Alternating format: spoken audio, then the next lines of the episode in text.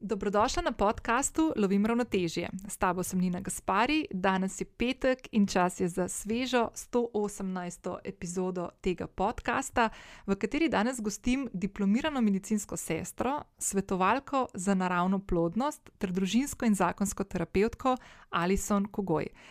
Alison se mi je oglasila, ko je poslušala pogovor, uh, ki sem ga imela v 116. epizodi, ko sem gostila Mojco Fatur in v kateri smo se z Mojco pogovarjali o pomenu spoznavanja sebe, svojega telesa in se konec koncev dotaknili tudi dejstva, kako malo, predvsem ženske, vemo o svojih telesih in predvsem o menstrualnem ciklu ter njegovem vplivu na našo psihofizično razpoloženje.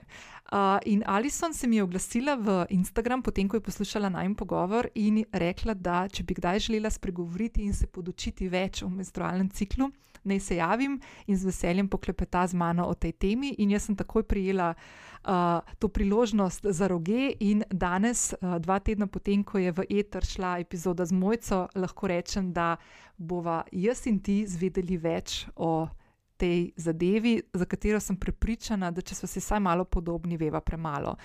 Alison je odlična sogovornica in strokovnjakinja, ki se ukvarja s širšo problematiko reproduktivnega zdravja. Danes se bomo pa v tej epizodi osredotočili predvsem na spoznavanje menstrualnega cikla. Govorili bomo o tem, kaj se v našem telesu dogaja skozi različne faze menstrualnega cikla, kaj je dobro spremljati kako vpliva uh, cikl na naše uh, psihofizično počutje in kako lahko vnaprej določimo nihanja in temu prilagodimo tudi svoje delovne aktivnosti. Med drugim danes z Alison govoriva tudi o HPV-ju, to je tema, ki mi je še posebej blizu in o tem malo kasneje, in o opažanjih vpliva cepljenja proti COVID-u na menstrualni cikl. Uh, tukaj sem povedala tudi svojo zgodbo še enkrat. Začela sem jo, uh, omenila sem jo čisto na hitro v pogovoru z Mojco Fatur v 116. epizodi in oglasilo se je kar veliko žensk. O tem, da so ugotovile in opažale spremembe v svojih ciklih, potem ko so se cepile, in mislim, da je pomembno, da se pogovarjamo o stvarih, o katerih uh, vemo premalo, ali pa, um, ali pa se včasih v javnosti ali pa svojem, konc koncu, čistem primarnem krogu svojega podpornega sistema premalo pogovarjamo. Jaz, na primer, lahko povem, da uh, konkretno o uh, neki povezavi med tem, kaj smo začeli opažati, prijateljice, potem ko smo se cepile, je kar nekaj uh, mojih bližnjih prijateljic povedalo, da so tudi pri sebi opazile določene spremembe. In se mi zdi, da prav, da se te stvari pogovarjamo, konec koncev. Uh, ta epizoda, čeprav gre za neko žensko tematiko, je dobra tudi za moški del poslušalstva, uh, ker je vedno dobro vedeti in spoznati malo bolje uh, ženske v vašem življenju, ker mogoče s tem tudi nekako dodatno razvijamo neko razumevanje um, do te problematike, do tega, kaj se dogaja z ženskami skozi menstrualni cikl in konec koncev s tem lahko tudi spoznavamo sebe. Uh, preden skočiva v pogovor z Alison, te vabim, da če še nisi prijavljena na podcast Lovim ravnoteže, to lahko storiš zdaj prek aplikacije, na kateri trenutno poslušaš to epizodo. Vedno sem vesela tudi ocen in mnen, ki mi jih lahko pustiš uh, na aplikaciji, ali pa se mi, kot se mi je Alison, oglasiš na zasebno sporočilo na Instagramu, lahko mi pošleš kakšno vprašanje, lahko mi pošleš kakšen komentar ali pa kakšno tako čisto svoje opažanje. Uh, zakaj to vedno poudarjam? S prijavo oddajo ocene in mnenja na aplikaciji, pri kateri poslušaš podkaste, pomagaš, da ta podcast slišijo tudi tebi podobne ženske in moški, ki bi jih utegnile zanimati teme, ki jih odpiram na tem kanalu. Uh, vedno sem vesela tudi, če deliš, da poslušaš epizode na svojih družabnih omrežjih. Ne me pozabiti uh, označiti, tako da bom to videla in lahko tudi podelila naprej in se ti tudi zahvalila osebno za poslušanje, spremljanje in za tvoje širjenje. Eh, tega kanala po svojih uh, omrežjih. Uh, v zapisu epizode te čaka še kar nekaj povezav, ki smo jih z Alison omenili v pogovoru, in dodatnih vsebin, ki mi jih je Alison poslala, uh, in ti lahko pridejo prav, ko se ti bodo mogoče odprle še kakšne dodatne. Teme, misli ali pa vprašanja, tako da te vabim, da skočiš tudi na zapis epizode. Uh, nič, to je to, uh, se slišiva še ob koncu uh, epizode, ko imam zate še eno kratko, uh, en kratek update uh, in uh, uživaj v pogovoru z Alison. Čau, Alison. Živijo. Živijo. Zdaj ti si še ena od tistih, ki tako lepo uh, govoriš po primorsko in imam jaz spet težavo, ali bi govorila po primorsko ali bi govorila po uh, tako ljubljansko. Ampak ja, se bom provala malo loviti, po mojem se bom malo lovila. No. Um, ok, deva preden greva midve, uh, jaz sem te itak že predstavljala v uvodu, ampak preden greva midve v današnji pogovor, bi jaz rada samo najprej se ti ful zahvalila, zato ker si uh, potem, ko si poslušala epizodo uh, z Mojco Faturo, v kateri smo se pogovarjali tudi o menstruaciji, si mi poslala sporočilo na Instagram. In si rekla, da če bi kaj več o teh stvarih govorila, ker takrat, če kdo ni poslušal, ne, sem pač povedala in priznala, da sem ena od tistih žensk, verjetno nas je veliko, ne? to boš ti pol povedala malo več, mm -hmm. ker zelo slabo poznamo uh, svoje menstrualne cikle in tako naprej. In sem rekla, da to se moramo absolutno podučiti. In ti si se javila in si rekla, le Nina, če bi pa rada se o teh stvarih pogovorila in ki je podučila, se pa z veseljem javljam, pa narediva pogovor. In evo, dva tedna kasneje. Je tukaj pogovor uh, z Alison, ki je strokovnjakinja na tem področju. In Alison, jaz se ti najprej fulj zahvaljujem, da si se javila in takoj te bom kar rekla, da poveš malo o sebi, uh, pa mogoče zraven že kar mal pripneš, s čim se ti ukvarjaš, uh, kaj je točno tisto področje, na katerem si ti strokovnjakinja, ki svetuješ. Uh, ženskam, pa, dej, če bom kakšno robe stvar rekla, mi kar poprav, in verjetno tudi parom, uh, ko se gre um, za plodnost. Mhm. Ja, hvala, Nina, no, da si se tako hitro odzvala in si bila kar za akcijo, da posnameva uh, eno epizodo s to, s to vsebino, s to pomembno vsebino. Uh, jaz sem svetovalka za naravno plodnost, sem učiteljica Billingsove metode. To je ena izmed metod za naravno načrtovanje družine. Mogoče polkaj o tem več rečeva, če, če bo naneslo. Uh, sicer pa se dosta uh mhm. -huh. ukvarjam z reproduktivnim zdravjem žensk in tudi moških. Um, v bistvu medicinska sestra, sem diplomirana medicinska sestra, pa študirala sem družinsko in zakonsko terapijo. Tako da v bistvu so to vse neka področja, ki jih danes z veseljem združujem v svojem delu in mi to v bistvu omogoča, da lahko res uh, žensko oziroma par oziroma izziv, ki ga imata, celostno obravnavam. Um, ja, učim Billingsovo metodo, potem izvajam posvete, mentorstva, recimo za, za um, izzive na področju reproduktivnega zdravja, uh, izzive na področju plodnosti, s katerimi se srečujejo pari. Ženske prihajajo, recimo, ko imajo kakšne policistične jajčnike, endometriozo, PMS, je boleče menstruacije. Veliko je tega, da imajo težave pri doseganju zanositve. Mm -hmm. uh, pa ukvarjam se tudi s spolno vzgojo uh, mladostnikov, kakšno predavanje ali pa delavnico izvedem. Tako, na kratko. Ej, ful dobro, da si to, ful dobro, da si to omenila, ker jaz se spomnim, um, jo, to je to toliko časa že nazaj. No, da povem, mogoče če bo kdo na novo to poslušal. Jaz sem stara 43 let in v osnovni šoli se spomnim, da smo imeli spolno vzgojo. Jaz pa ne vem, če to še je v uh, -huh. v rednem nekem tem izobraževalnem programu. A to obstaja še vedno, ali kako to zgleda zdaj, zdaj v teh časih? Obstaja, mislim, zdaj, kako se to izvaja trenutno v teh časih, uh, ko smo malo bolj zaprti, ne vem natančno. Ampak načeloma, ja, se izvajajo predavanja na šolah, se pravi, pridejo, pride medicinska sestra iz zdravstvenega doma in uh, z namenom neke preventive, zdravstveno vzgo, uh, zdra, spolno zdravstveno vzgojeno. Se pravi na šoli, potem pa tudi v mhm. okviru sistematskih pregledov, ko pa grejo, pač, ko gre razred no, k zdravniku. Sistematski pregled se tudi tam izvede, kakšno krajše predavanje. Tako da to je pa to, no, na kratko. Ni, ni kaj dost velik tega. Okay. No, mi dve danes, Ni, ni kaj dosti, ne. Sej se tudi spomnim, smo imeli mogoče par ur. Pa še spomnim se, ravno ker bova danes, uh, se, ko si zdaj opisala svoje delo oziroma področja, ki jih pokrivaš, mi dve danes v pogovoru se bova bolj kot ne osredotočili na menstruacijo oziroma menstrualni, menstrualni cikl. Um, mogoče tudi kakšna plodnost, pa to pol na koncu, ko bomo govorili o tej uh, Billingsovi metodi, ki si jo že omenila. Um, zdaj, tako, jaz bom kar takoj povedala, da tiste poslušalke in poslušalci, no, če kaj vas še dodatno zanima, mi komot lahko pišete, pa bo Elisa še kdaj prišla. Uh, zdaj sem ti spet Elisa rekla, ali sem še kdaj prišla na podcast, pa bomo govorili še o dodatnih temah. No? Um, Ampak je pa, um, hotela sem povedati eno stvar, no, ki se mi je zdela fulj zanimiva. Da, ko sem jaz bila v šoli, v osnovni šoli in smo imeli to spolno vzgojo, se spomnim, ko je takrat učiteljica, niti ne vem, kje je točno imela, imela nas kakšna posebna ali kakšna, ki nas imela že druge, druge predmete, mislim, da je to peti razred osnovne šole. Se spomnim, da ko je rekla, da bo govorila zdaj o menstruaciji, je rekla: Fanti, vi greste pa lahko domov. Um, in smo se to potem, smo ostale samo punce.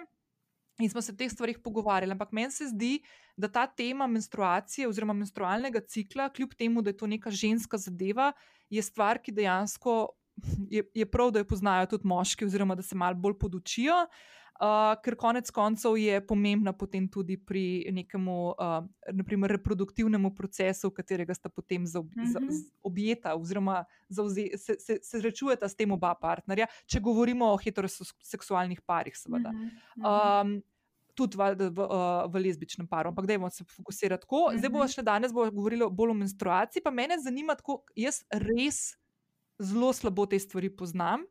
Uh, in me je kar malce sram povedati na glas, in te bom kar takoj vprašala, kje so tiste ključne stvari, ki jih ti opažaš uh, pri svetovanju, ki jih ženske dejansko ne poznamo, um, in uh, ugotavljaš pri tem, ko svetuješ ženskam in parom, da jih moraš, naprimer, mogoče od začetka razložiti, da, da, se, sploh, da se sploh vemo, o čem se pogovarjamo. -hmm.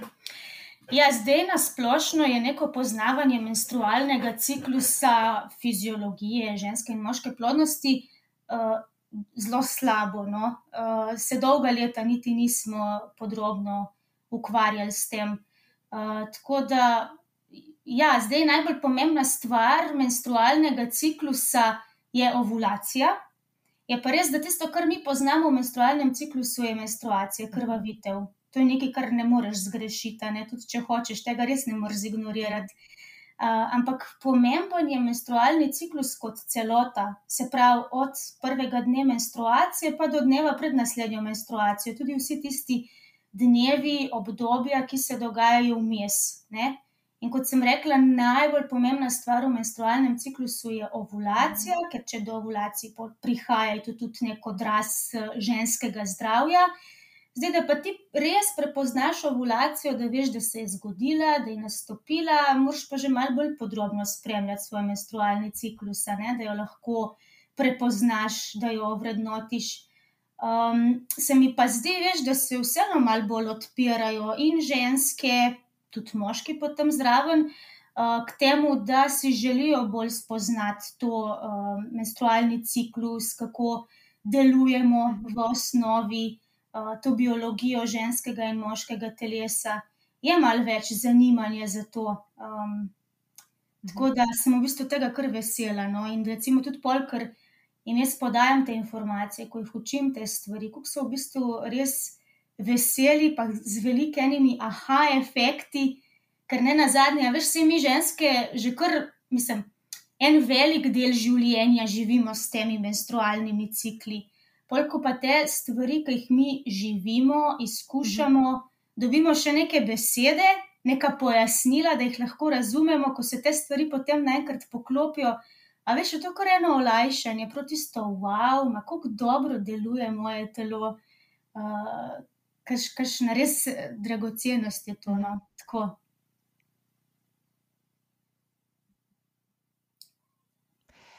Ej, sej, jaz se spomnim, ko sem delala um, izpit za učiteljico joge in smo imeli anatomijo, po mojem, tako ful podrobno. Mislim, da sem imela tako ene skoraj 800 slajdov v PowerPointu se za naučiti. Mislim, tako res ful smo imeli. Pa, pa nismo, mislim, tudi menstruacija je bila valjda noter, ampak tako človeško telo kot kot nek organ, mhm. oziroma ne, kot nek stroj, ne, eh, kako deluje. In se mi zdi, da so človeška telesa, po mojem, najbolj, najbolj izpopolnjen stroj, ki je bil kadarkoli narejen, če lahko rečem temu stroju. Mm -hmm. Res je noro, ko gledaš. Kaj vse so naša telesa sposobna, če jih, že, če jih vsaj malo spoznamo ali pa se opazujemo. Ne? In mogoče pri ženskah so te stvari ravno zaradi menstrualnega cikla, ne, so toliko bolj um, nekak, nek ritem imaš življenjski, ki ga mhm. determinira tudi konec koncev menstrualni cikl. Ne. Pa da je mhm. mogoče, uh, ali sem veš, kaj bi te zdaj na tem mestu vprašala, da je tako res ful, da se prvič pogovarjava o teh stvarih. Naprimer, ko govoriva, si, umenila si ovulacijo, ampak da je mogoče tako, kako zgleda naprimer nek. povprečen mesec, če govorimo o nekih teh klasičnih 28-dnevnih, oziroma kolikor koli dnevnih, no, ne bi bili ti cikli dolgi. Kako to zgleda, če začneva naprimer, s prvim dnevom krvavitve? Kaj to pomeni potem nekje v povprečju, kako to zgleda potem mesec ene ženske? Mhm. Ja, če greva čist čez en ta osnovni, a ne menstrualni cikl. Ok, se pravi, na začetku Ja. menstrualnega cikla, se pravi, začne se s krvavitvijo. Menstruacija se začne takrat, ko je krvavitev res uh, konkretna krvavitev, mislim, bolj močna krvavitev. Ne takrat, recimo, pri enih ženskah se menstruacija, mislim, se pred menstruacijo začnejo kakšne take kapljične krvavitve, ampak to je v bistvu še del starega cikla. Ne? To moram velikrat ženske kar podučiti. Da, menstruacija se začne takrat, ko je krvavitev, ko veš, da je res krvavitev, malo bolj močna, bolj obilna. Um, zdaj, ob menstruaciji je nivo teh spolnih hormonov v telesu nizek, in v bistvu, ker ta notranja plast maternice, endometri, ni več hormonsko podprt, in v primeru, da ni prišlo do oploditve, v bistvu to tkivo ničemur več ne služi in se more izluščiti, ga more telo maternica izločiti, izloči ga v obliki krvavitve, v obliki menstruacije. Zdaj, ti, ta nizka raven hormonov, mislim na splošno, ti naši hormoni, spolni hormoni, um, ne, ne povzročajo sprememb samo na tej telesni ravni, ampak tudi v bistvu na tej psihološki, čustveni ravni. In recimo, ene ženske lahko res v času menstruacije, sploh prvi, drugi, pa mogoče tudi tretji dan, zaznavajo več neke utrujenosti ali pa želje po umiku, ali pa recimo slabšo uh, koncentracijo, slabši uh, spomin, tudi mogoče. A ne se pravi, tudi na tej čustveni, psihološki ravni ženska uh, zazna neke spremembe. Sej to je seveda pol tudi individualno, vsaka posameznica to še malo drugače doživlja, ampak tako, če poveme neke osnove. Ne? Potem po menstruaciji, v bistvu je folikularno obdobje menstrualnega ciklusa, pomeni, da pa se začnejo hormoni v telesu spet počasi uh, dvigati. Uh, v bistvu ta proces sprožijo možgani. Naš menstrualni ciklus je v bistvu stalna komunikacija med jajčniki in možgani, med sabo komunicirajo preko hormonov. Uh, tako da v tej fazi po menstruaciji pa se v bistvu zgodi neplodno obdobje po menstruaciji in pa ploden čas pred ovulacijo. Ne? Zdaj, ko se ti hormoni v telesu dvignejo, zdaj konkretno je to FSH hormon, pa estrogen, um, to stimulira maternični vrat, da začne izločati plodno sluz. In to plodno sluz v bistvu ženske tudi lahko zaznamo na področju spolovila, na področju nožnice.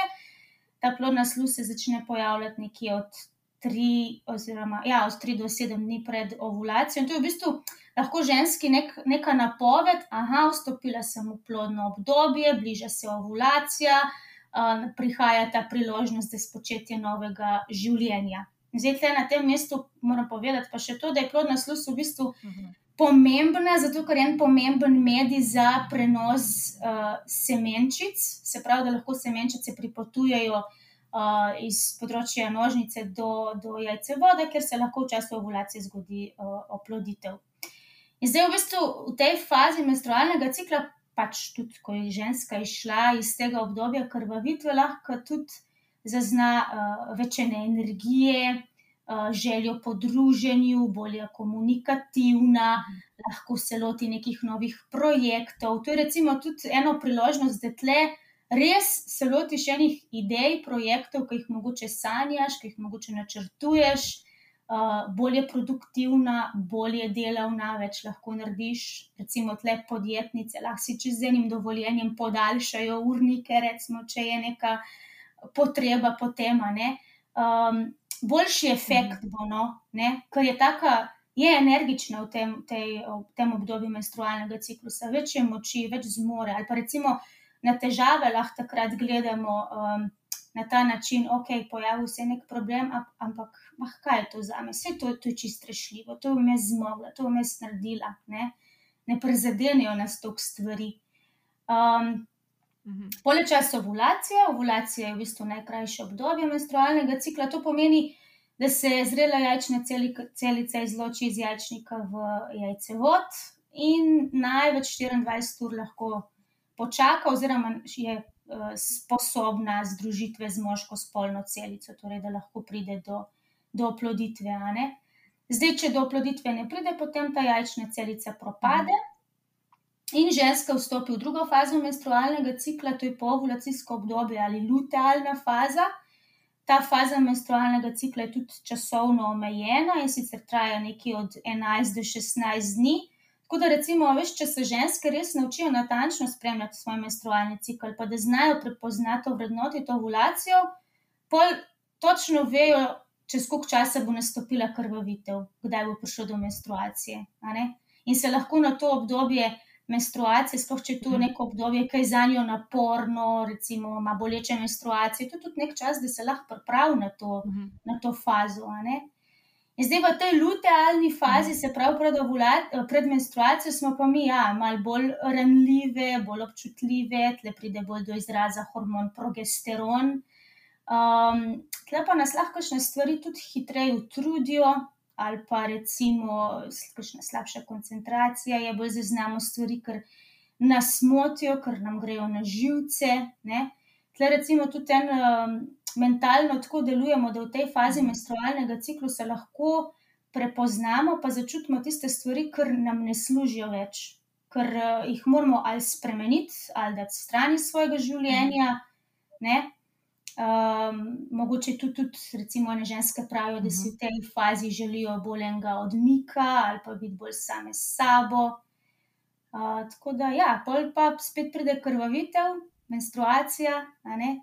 In v času menstruacije, pa recimo, smo pa tudi bolj dovzetni za to, da lahko malo bolj reflektiramo stvari. Se pravi, tam je pa v bistvu čas, da se pa odločimo, okay, katere so tiste stvari, ki jih pa res lahko ki jih pa res želimo dati strani življenja, spremeniti, nekaj narediti na tem, kaj tisto, kar želimo spustiti iz svojega življenja. Tako da se v bistvu maternica čisti, a veš, ko se fizično čisti tega odvečnega tkiva, kot sem prej rekla. Uh -huh. Je v bistvu tudi, tudi prostor za čiščenje tistih stvari, kar, uh -huh. kar nas bolijo, kar nam, kar nam težijo, kar. Um, Tiste stvari, ki nam manjkajo, da bi se mi lahko izrazili v tem življenju.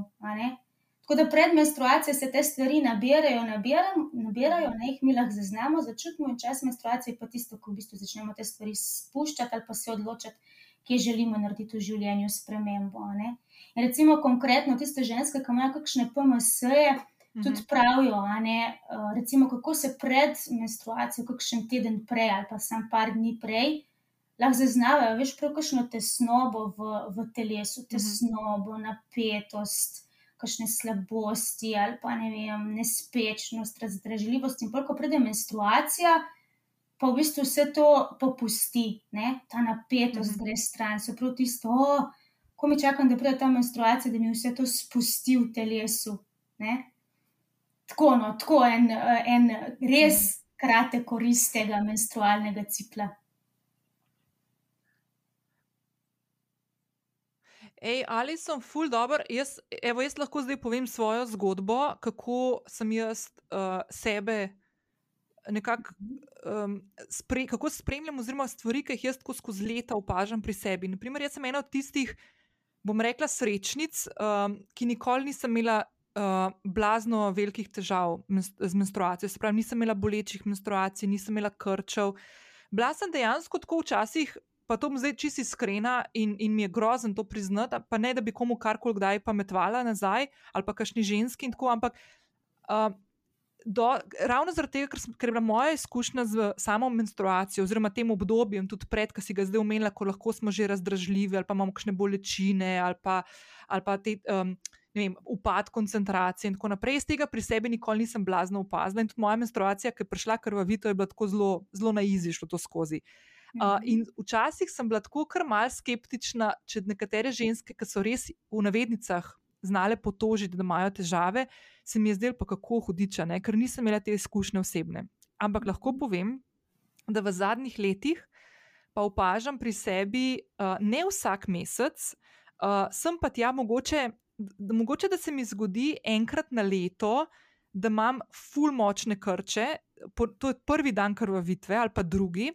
In to tako, da znam tudi obležati v posli v položaju, ne, tako uh, stisnjenem. Uh, tako da to je ena, ena stvar, ki mi je blazno zanimiva, zato ker jaz sem živela v prepričanju, da z leti se menstruacije postanejo šipkejše, da vedno manj bo tega in tako naprej, ampak dejansko pri meni je kontraefekt. Druga stvar je, da imam spet ne vsak mesec, ampak rečemo tako, vsak drugi ali pa tretji mesec mi pa zgodi, da tisti dan, ko pride do krvavitve, mene oblije zjutraj slabost. Jaz ponovadi dobim menstruacijo zjutraj.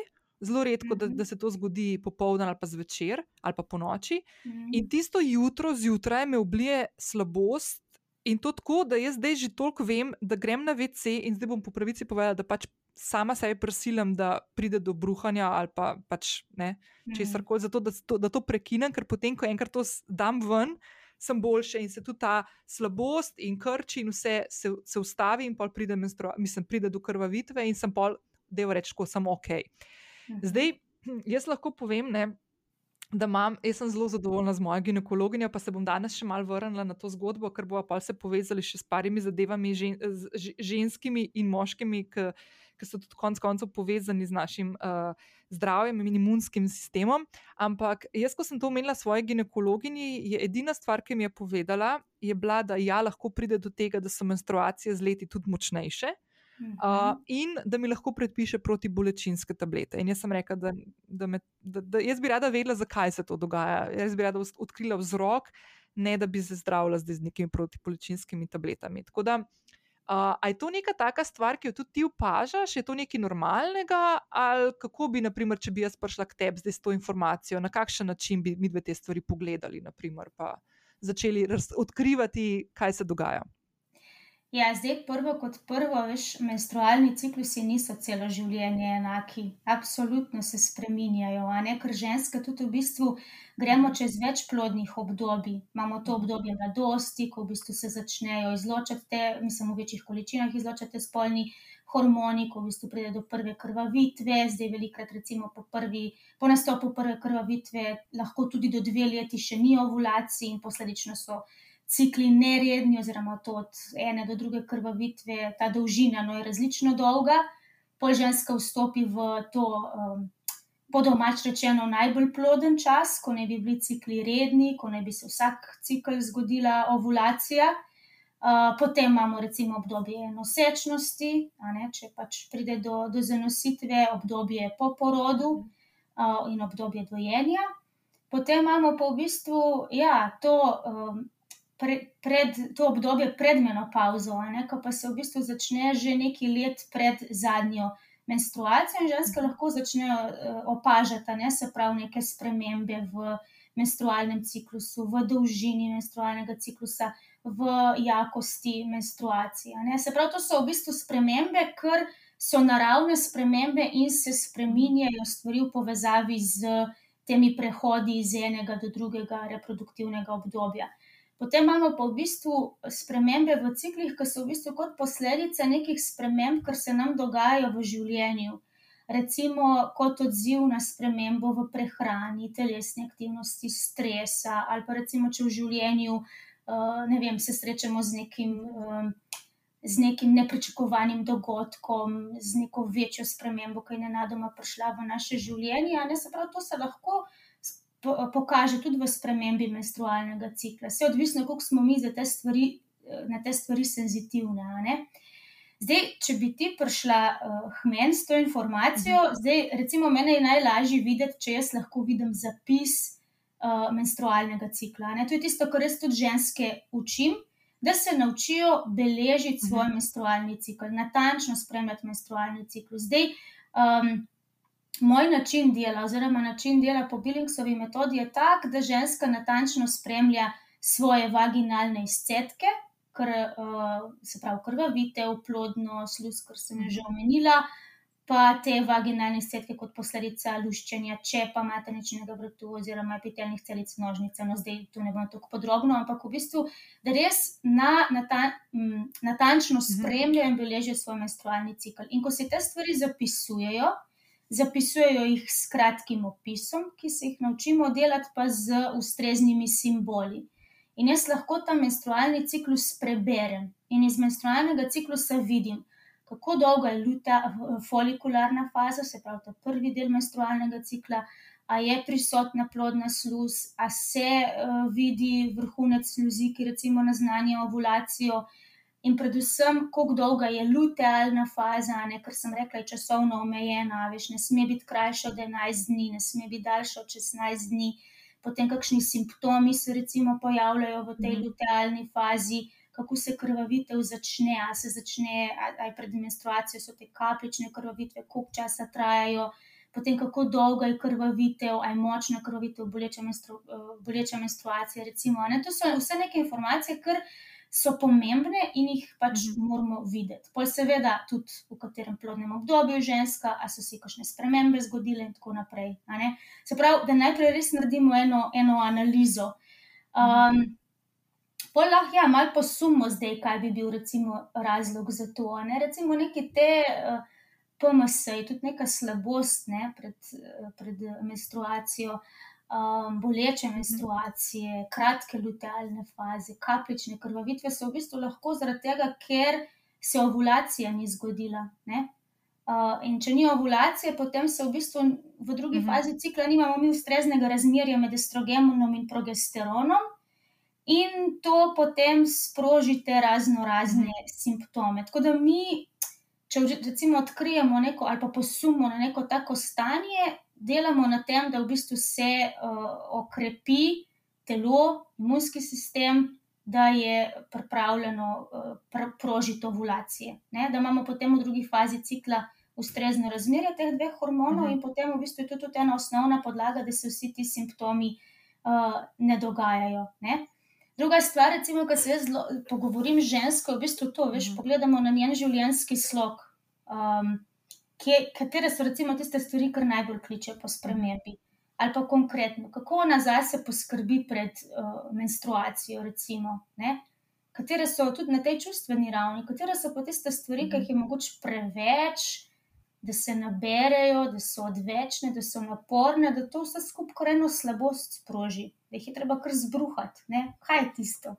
A veš, mogoče je to res ne, na, bolj na tej čustveni, psihološki ravni. Vedno gledamo oboje, ne? Seveda najprej na telesni ravni, na tem uh, hormonskem delovanju, ne, to malo raziščemo, pa, pa se dotaknemo tudi tega psihološkega, čustvenega dela. Zdaj, recimo, tebi, tako čist na hitro, ena mm. prva stvar, ki bi jo svetovala, je uh, redno imanje magnezija. Ne? To recimo lahko zelo ublaži to, kar ti uh, zaznavaš, oziroma magnezij in kalci, uh, prehrana, zdrava prehrana. Um, to no, za začetek na hitro. Drugo je pa tudi to, veš, če so boleče menstruacije, mhm. mislim, da je ta prvi, drugi dan krvavitve naporen. Ponovadi jaz grem ženskami kar gledati, kako pa one preživijo ta čas menstruacije, sploh prva dva dneva menstrualnega cikla. A veš, ker menstruacija v bistvu je eno povabilo ženske k temu, da si vzame čas zase, čas za počitek. Ne? A veš, mi ženske smo res tako multitasking. Mi mhm. imamo skozi eno delo, skozi smo z nečim preobremenjeni, skozi živimo več vlog naenkrat. Naenkrat eh, stvari razmišljamo, razmišljamo o nečem, delamo eno stvar, čutimo tretjo stvar, a veš, skozi neki. In menstruacija pa je res ena taka mm -hmm. priložnost, ko je pa tisto, hej, da je pa zdaj se pa malo umir, da zdaj se malo odpoči, vzemi si čas zase. Pa če je to pol ure, je pol ure, če je to polovica, je polovica dneva, če si pa lahko vzameš mm. cel dan, je pa to sploh luksus. Um, tako, to so recimo ene te mm. osnovne stvari, mm. ki jih recimo mi uh, pogledamo.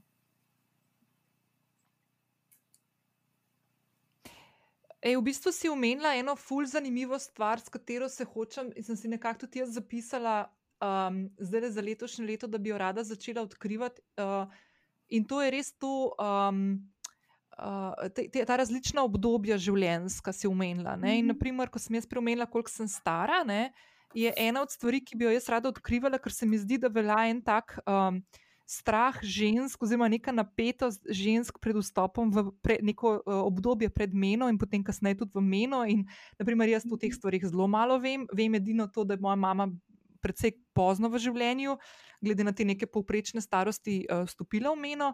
Ampak poslušamo, vemo o tem, da to ne bi bilo zelo stresno obdobje, da ne bi prihajalo do nekih uh, napo naporov za telo, pa ne gre za neke vročične ali pa hladne mm. trenutke, kako koli. No?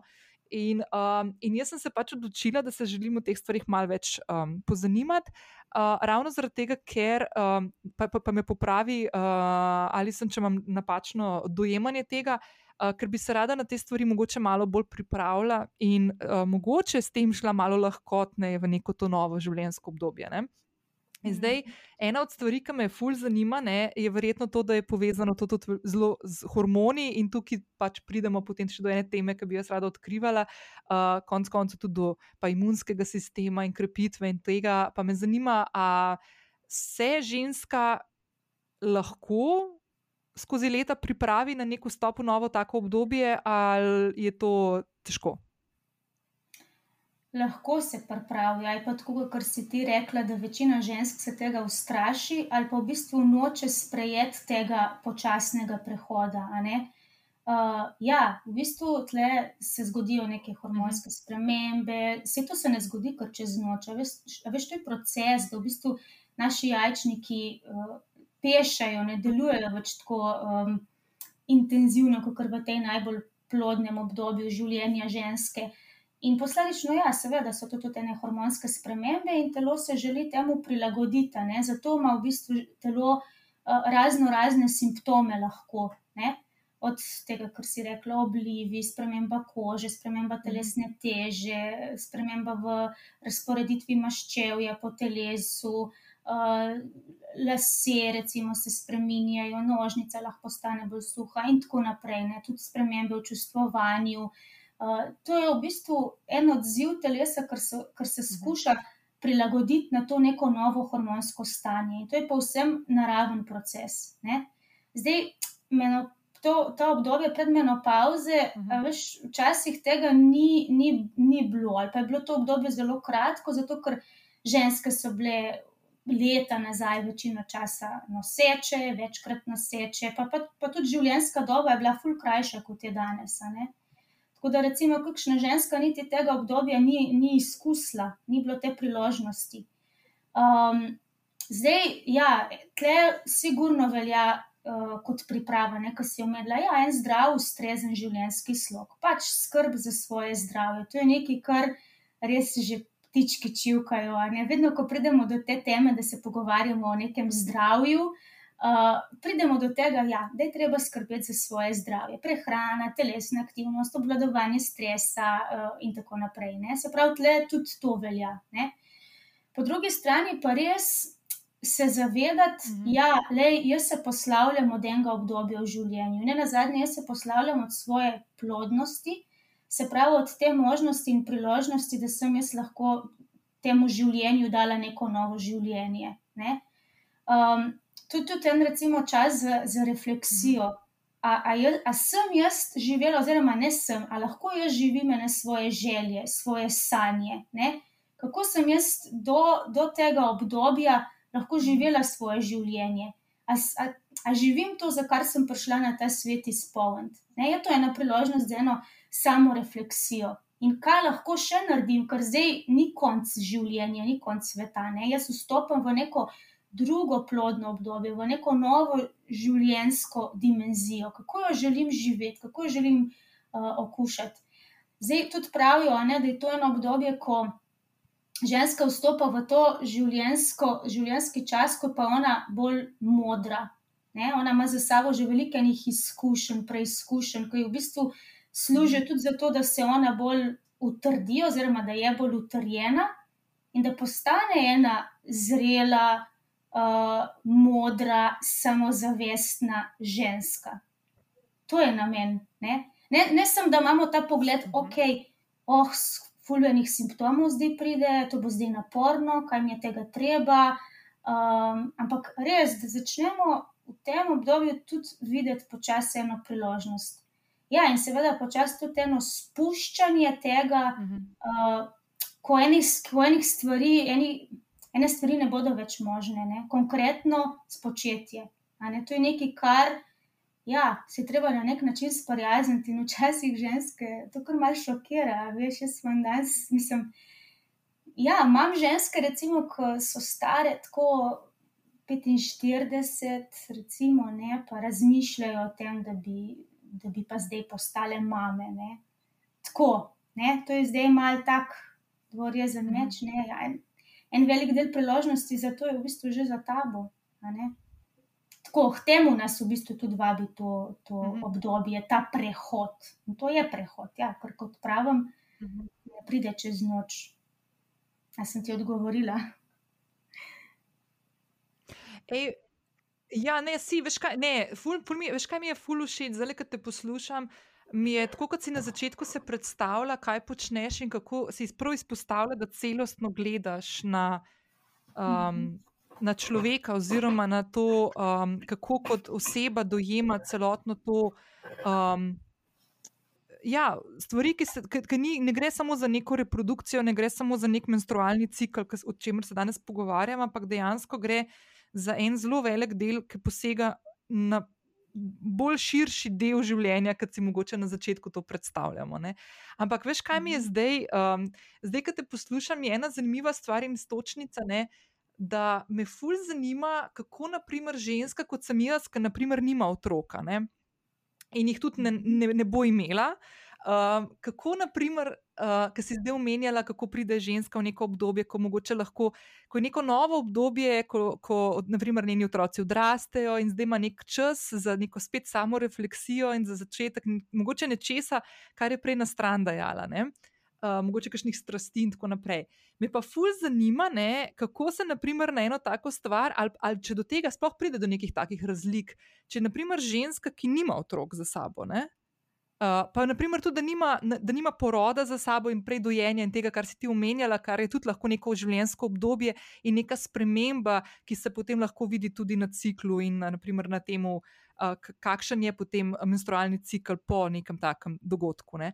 Naprimer, jaz teh mhm. stvari nimam in teh izkušenj nimam za sabo, ne, pa me full ferbec smatra, kaj naprimer, mene čaka v nekem in na tej čiste lesni ali pa na tej uh, umski ravni. Ne. A si mogoče opazila kakšne razlike tako, uh, med ženskami, ki imajo to izkušnjo? Uh, Rojstvo, oziroma uh, biti mame in ženske, ki naprimer te izkušnje nimajo. Ali to so to pride do nekih takih bistvenih sprememb, ali v bistvu niti ne? Ma ne, glede na te, na te hormonski pa ciklični ravni, niti ne. Veš, to v bistvu, da, da jajčniki začnejo pešati, da se -hmm. nivo hormonov v telesu spremenja. To se v bistvu zgodi prej ali slej, pri vsaki ženski, ne glede na to, je imela otroke ali ni imela otroke. Ne, ni to tisto, kar, tista stvar, ki bi recimo pogojevala. Um, zdaj, recimo, ena taka ženska, ker ni imela otrok, pa ki se ni izpolnila v tem materinstvu, uh, recimo, lahko pa pogleda za nazaj, ok. Kje sem pa jaz temu življenju dajala življenje? Lej, nisem dala, nisem mama, nisem dala otrok, ne, ampak na, drug, na nek drug način si bila ti materinska, ali pa je bila taka ženska materinska, ali pa je materinska. Kje, mhm. kje, kje, na kakšen način sem jaz bila skrbna do drugih, kako sem poskrbela za druge. Če govorimo zdaj o tej neki, na tej, na tej čustveni dimenziji. Uh, ja, je pa sigurno drugače, ne če ena ženska, jako ima mhm. otroke in otroci, recimo v tem predmenopauzalnem obdobju odraščajo in, in zapuščajo gnezdo, in se v bistvu ta partnerski odnos tudi začne spreminjati, ima absolutno neke druge izzive, ki še pridejo zraven v to obdobje, kot recimo ena ženska, ko pa um, je ali samska. Ali živi neko drugo poslanstvo v tem svetu, ali pa pač sta družina, ona in partner. Uh, Zdaj, mislim, ja, neko, mhm. neko to hormonsko spremembo pa doživijo vse, vse ženske, ne tudi na tej telesni ravni. Tako da zdaj, da bi jaz opazila, mm. le ženske, ki pa niso mame, imajo take cikle, recimo po 45 letu, tiste ženske, ko so pa mame, pa take. Jaz, recimo, nisem v svoji praksi tega, tega zaznala. No. Mm -hmm. ja. mm -hmm. Um, zdaj, danes smo večkrat že omenili uh, besedno zvezo uh, imunsko, uh, do, dober, dober imunski sistem, močen imunski sistem. Pa bi jaz mogoče se tukaj, zdaj, ko se s tabo pogovarjam, um, eno stvar izpostavila, oziroma eno problematiko, o kateri jaz veliko govorim zadnja leta. Pa bom zdaj le en update naredila, ker o tem še nisem govorila, ti pa veš, uh, ker so se to pogovarjali, preden smo začeli snemati. Um, zdaj, tiste uh, ženske in tudi moški, ki me spremljate, veste, da sem jaz v zadnjih letih veliko govorila o svoji poti okrevanja oziroma življenja z HPV. Uh, jaz sem o tem govorila v deseti epizodi že tega podcasta, spravo to je bilo dve leti nazaj. Potem sem v 70. epizodi gostila uh, ginekologinjo dr. Veroniko Testen in sva fulno dolgo in široko govorili o tej problematiki. Pa jeseni, septembra lansko leto, sem gostila dr. Denisa Baša, pediatra, s katerim sva se pa ful pogovarjala tudi o tem, da so tudi moški um, vključeni v to debato, zato ker so bili predolgo časa izključeni in smo se pogovarjali o tem, da je HPV izključno ženska težava v navednicah. Gre pa za to, da je družbena, ker tudi moški zbolijo s HPV-jem uh, in je prav, da tudi moški poslušajo to problematiko. Zdaj, jaz bom dala en update tukaj. Uh, in sicer, da sem uh, dobra štiri leta živim z virusom HPV, uh, Uh, gre za spolno prenosljivo bolezen, ki uh, najbolj pogosto, ki uh, po nekaterih podatkih ne bi jo v življenju okusilo, vsaj 85 odstotkov uh, spolno prenosljive, uh, popula spolno aktivne populacije, večina uh, se tega niti ne zaveda in gre to mimo in telo je to izloči, preden se sploh uh, ugotovi na kakšnih ginekoloških pregledih, rednih, uh, da je prišlo do okužbe. Uh, jaz sem ena od tistih v navednicah srečnic, ki se tega virusa ne more znebiti. Eh, štiri leta nazaj sem imela poseg, zadnja tri leta sem imela enkrat letno biopsijo, ker sem nenehno pozitivna s HPV-jem. Lansko leto sem upravljala cepljenje s tremi odmerki, kljub temu, da imam, uh, da imam pozitiven rezultat, oziroma da živim z virusom. In pred enim tednom sem zvedela, da imam še vedno HPV in v ponedeljek, se pravi dva dni potem, ko bo ta epizoda prišla v eter, imam predviden drugi poseg. Se pravi, drugo operacijo, mhm. da poskušamo to spraviti iz mojega telesa. Zdaj, stvar, s katero se jaz konstantno srečujem v tej sagi, je, da imam očitno uh, neko težavo na mojem imunskem sistemu in da je moje telo nekako neuspešno pri tem, da bi se borilo s tem virusom in bi ga izločilo. Uh, jaz sem v tem času, ali sem to tako za tebe, no, da boš vedela, naredila že vse živo. Ne? Šla sem k prehranski terapeutki, uh, bila sem pri otolaringologu, da smo preverili, če mogoče imam jaz ta virus kje drugje, da ni mogoče na materničnem vratu, ampak se je preselil kam drugam, na kakšno drugo točko v telesu, ki je lahko podvržena temu virusu, uh, sluznice. No? Uh, Uh, v glavnem, vse živo sem že dala skozi, jaz mislim, da se zdravo prehranjujem, se gibam, provam živeti neko nestresno življenje in tako naprej, ampak še vedno imam tukaj ful težave. Zdaj, jaz bi se tukaj, uh, ne da se bi s tabo pogovarjal o tem, kaj lahko naredim, razen seveda, da sem odprta za kakšne ideje, če imaš mogoče še ti kakšno stvar. Uh, ampak stvar, v kateri um, se jaz nekako srečujem in s katero se srečujem, je to, da imam željo potem, da bi našla nekega sogovornika, ki bi tako celostno znal gledati na to problematiko, kot naprimer ti gledaš celostno na uh, menstrualni ciklus, na reprodukcijo in tako naprej. Ampak jaz enostavno ne najdem človeka, ki bi znal to celostno pogledati. Ne? Ker z ginekologinjo se lahko pogovarjamo ginekološkem, na ginekološkem področju, z nekim drugim zdravnikom na neki drugi ravni. Ne? In um, a si ti mogoče, to je zdaj moje vprašanje. No? Uh, a si ti mogoče v, pri svojem delu naletela že na kakšnega človeka, ki bi imel neko tako zadevo toliko časa prisotno, oziroma a poznaš kakšno tako zgodbo, ali pa mogoče tvoje mnenje na to zgodbo, no, mm -hmm. ki sem jo zdaj povedala, niti ne gre za to, da bi zdaj pričakovala od tebe neko odgovor, no, ampak tako. Uh, kaj ti misliš, kaj, kaj bi ti mhm. naredila, naprimer, mogoče na mojem mestu? Kako bi se tega lotila? Ja, veš, srečujem se recimo s tem, ko se uh, ženska mene stvari kar ponavljajo. Ne? Kar ponavlja se ti neka ena in ista uh, nadležna stvar ali pa neka diagnoza. Pa tako kot ti praviš, res soočiš se s tem, jo raziščeš, se informiraš, ne? narediš neke spremembe v svojem življenju, pri prehrani, uvedeš telesno aktivnost, veliko enih sprememb, in pol hudiča se ta zadeva, pa kjerkoli stvar že ponovi. Ne? In vsakeč, ko pride do tega, da se pa mi spet z nečim srečamo, pa toliko smo že imeli opravka s tem, pa toliko smo že naredili na sebi, na enih spremembah, kar pride prav do enega razočaranja, prav do tega, pa kaj še mora, pa kaj mi je tega treba, kaj spet nisem naredila prav, ali pa česa nisem naredila, uh, česa nisem naredila dovolj, ne, zakaj se to meni dogaja prav eno tako res razočaranje in kako da te lastno telo izda, ne? kar še ni dovolj, kar še ni dovolj. Um, ja, tako da v bistvu ponovno se srečati z enimi takimi stvarmi, ja, je. Uh, Prizadene to človeka, no, kar, kar šokira, ker že misliš, da zdaj pa si na poti do tega, do enih sprememb, da se nikoli več ne boš rabo srečati s tem, pol pa te to zadane. Um, zdaj, ja, dobro je, seveda, najprej te stvari, kot vedno, obravnavati na telesni ravni.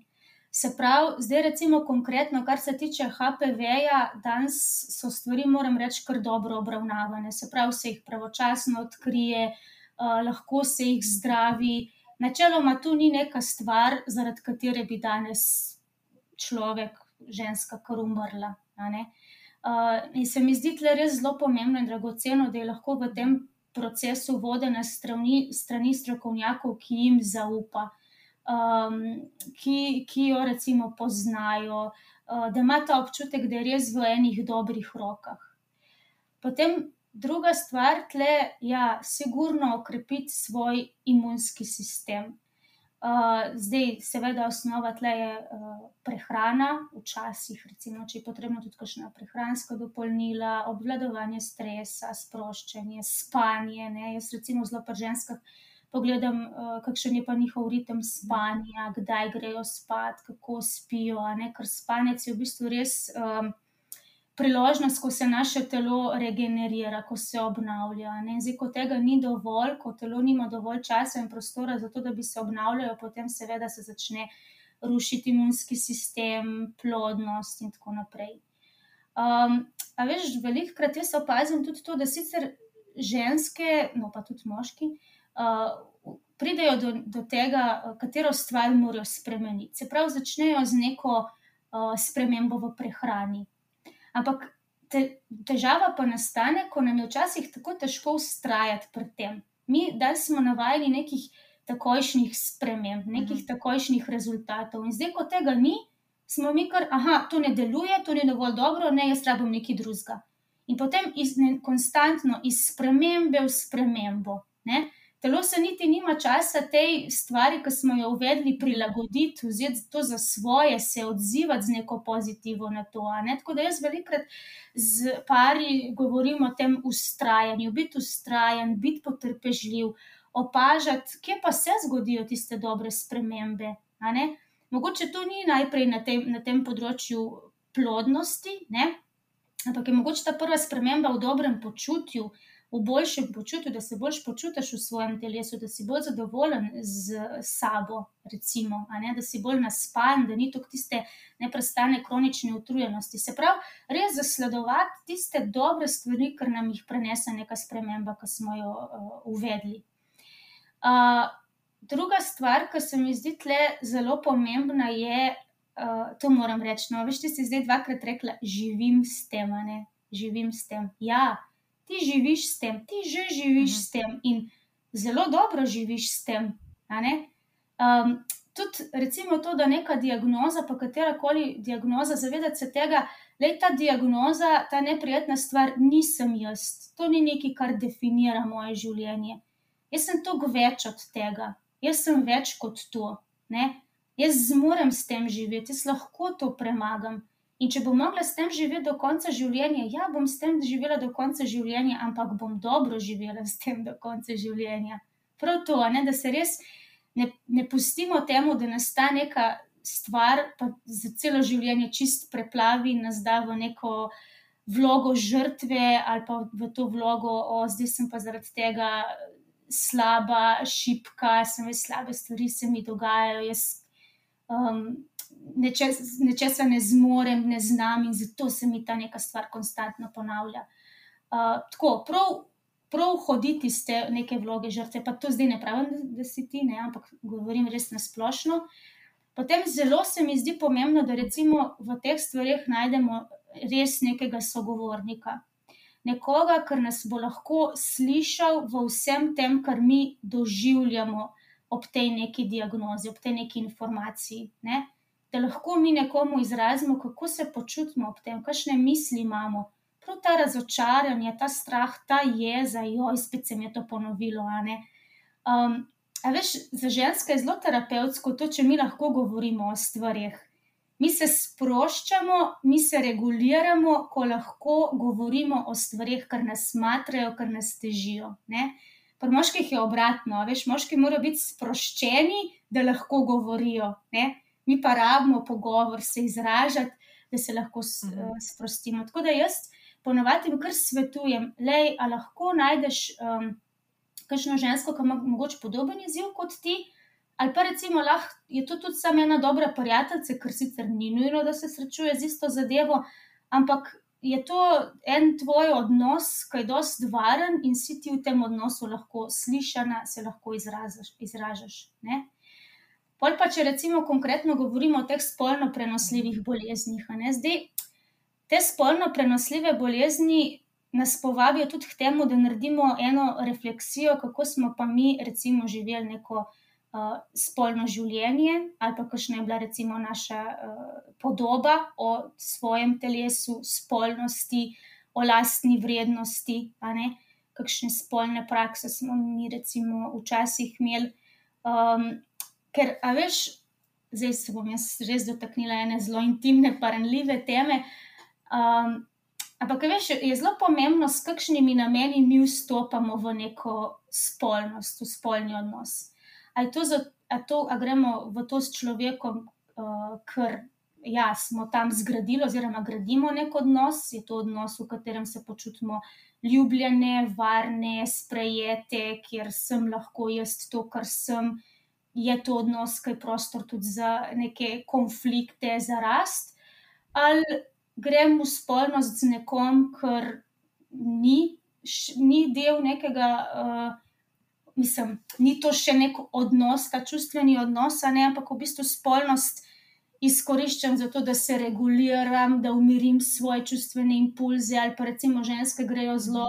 Sploh te um, mladostnice, no, grejo v spolnost, zato ker grejo dejansko tja preverjati svojo lastno vrednost, ne? neke potrditve, lej, ne počutim se mhm. dovolj vredno, ne počutim se dovolj dobro, ne počutim se opaženo.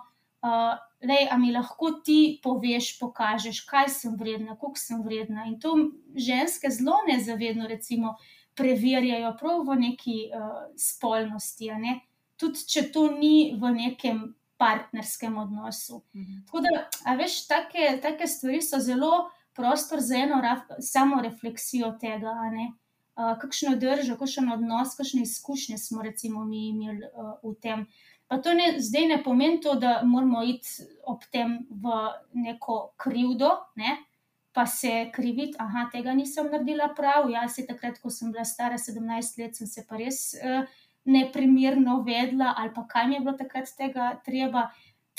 Ne, ne, ne s to krivdo, ne? ali pa da bomo pol sami sebe obtoževali. Uh, ker takrat pač s tistim znanjem, s tistimi izkušnjami, z, s tistim vedenjem smo pač take odločitve sprejemali. Ne? Danes, kot recimo ene, ena odrasla ženska, ena odrasla oseba z drugimi izkušnjami, z drugimi spoznanji, z mogoče drugačnimi vrednotami, pa danes drugače lahko gledam na to. Danes pa lahko tisti mladostnici za nazaj rečem: hej, mhm. dovolj si vredna, dovolj si, dobra si. Uh, veliko lepih stvari te čaka v življenju, uh, ne rabiš preverjati svoje vrednosti pri drugem, ker že sem to, da si, um, ja, si zaslužiš um, vse najboljše na tem svetu, sprejetost, ljubezen, pripadnost in tako naprej. No? Tako da take stvari, no to hočem reči, so, so prostor, tudi da malo te stvari ozavestimo, uh, pogledamo na to. Um, tako. To, to bi rekla.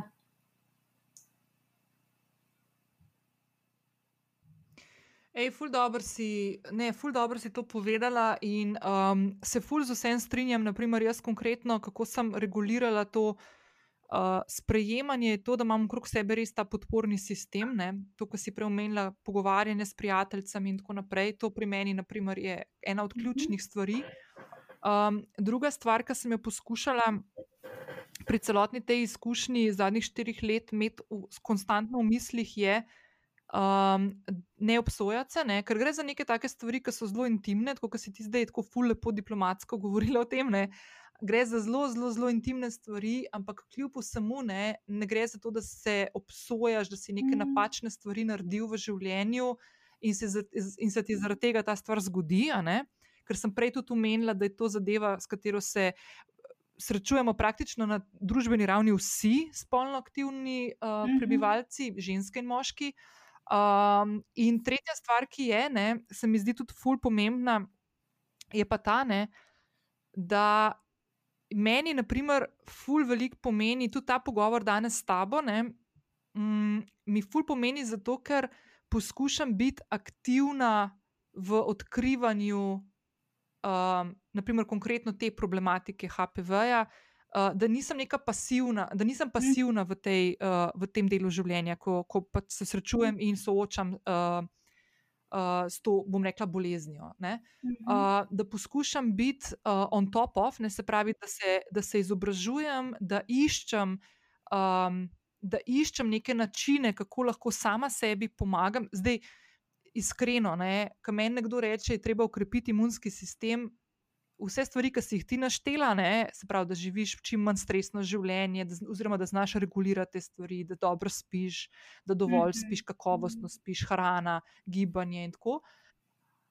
Jaz bom tako rekla, da te stvari, naprimer pri sebi, ne, ne da sem zdaj perla, ne, ker tudi jaz pač padam ne, in sem nekonsistentna, kakšno obdobje, ampak ja, načeloma pa sem nadpoprečna, rečemo pri teh stvarih. Um, po drugi strani, ne, uh, ja, pre, premalo se mi zdi, da je znanja na tem področju. a Veš, ka, ka, kaj Mhm. pomeni krepiti imunski sistem, Mhm. kaj pomeni. Uh, Na koga se obrneš, da ti pri tem lahko pomaga? A veš, da ne greš, da ne vem, prebrati en članek tam nekje, ki ga na Googlu najdeš in si, si nakupaš, ne vem, v prvi trgovini vse možne prehranske dodatke. Ne? A veš, mislim, se mi zdi, da te stvari je treba tako ful mal bolj celostno pa globoko se jih lotiti. No? Mhm. Ampak ja, se strinjam z vsem, kar si povedala in bom absolutno. Mm, Tudi jaz še dodatno te stvari odkrivala, tudi povezavi s tem, kar sem že prej opa- eh, omenila, da se ful me je začel zanimati ta hormonski del naših življenj, o katerem čist premalo vem. In je tudi ena od stvari, ki je povezana z nekim prehajanjem v novo življenjsko obdobje, na katerega se bi rada bolj pripravila, kot mogoče povprečna ženska, da jim tako rečem, bom definitivno te stvari še naprej odkrivala. Um, ali sem veš, kaj bi se mogoče še ena stvar, ki bi se rada dotaknila, ki je tako mal povezana, je povezana z imunskim sistemom, je povezana z obdobjem, v katerem živimo zadnji dve leti, je povezana z nekimi odločitvami, ki jih sprejemamo v zadnjem letu, uh, in seveda tudi z menstrualnim ciklom uh, pri ženskah. Ena stvar, ki mi je. Blazno fascinantna, ko se jaz pogovarjam z mojimi prijateljicami, pa opažam, da je kar nekaj nas se srečali s tem v zadnjih mesecih in sicer gre za uh, povezanost med cepljenjem in, in spremembami v menstrualnem ciklu. Jaz lahko za sebe povem, uh, pa to se nisem skrivala, da jaz lansko leto, tako kot sem že omenila, no, imela sem tri cepljenja HPV, za HPV in upravljala sem tudi tri cepljenja za COVID. In jaz sem, naprimer, pri cepljenju za COVID opazila ful spremembe na svojem menstrualnem ciklu. Um, pa čist mogoče tako, da opišem, to smo se zadnjič tudi z Mojco pogovarjali v 116. epizodi. Um, jaz sem opazila po prvem uh, odmerku cepiva za COVID, bila sem cepljena za AstraZeneca, da sem imela prvo menstruacijo po cepljenju ful močno. Tako, Mhm. nikoli v življenju tako močno kot takrat. To, da sem se v bistvu ustrašila, kaj se dogaja, ker sem imela občutek, da se kar, da, da kar teče, da se kar ne ustavi. Pa se je stvar malo umirila, in potem sem opazila, um, tik pred, um, tik pred uh, uh, uh, tole. Uh, čakaj, sem sekunda, nekaj me zafrkava. A se slišva mi dve? Ja, Vse, ja. Mhm. Ali sem? A, se, se. Ja, Ok, sorry, ja. mi tle kaže, mislila, da je kaj narobe. Um, in potem sem imela tik pred, um, pred tem boosterjem, ne, pred poživitvenim odmerkom, sem imela dve situaciji, enkrat pred in enkrat po, kar mi je bilo ful zanimivo. Uh, da sem imela tretje jutro menstruacije, sem se Mhm. zbudila praktično v, bo- pretiravala bom zdaj v luži krvi. No? Uh, in mi je bilo čisto fascinantno. In to je ena taka stvar, o kateri se pri nas sploh ne govori. In jaz, ko sem šla zdaj k ginekologinji, tudi ko sem imela ta redni pregled zaradi HPV-ja in tako naprej, dobra dva tedna nazaj, sem to omenila in mi je povedala, da ima že več uh, pacijentk, ki so to omenile.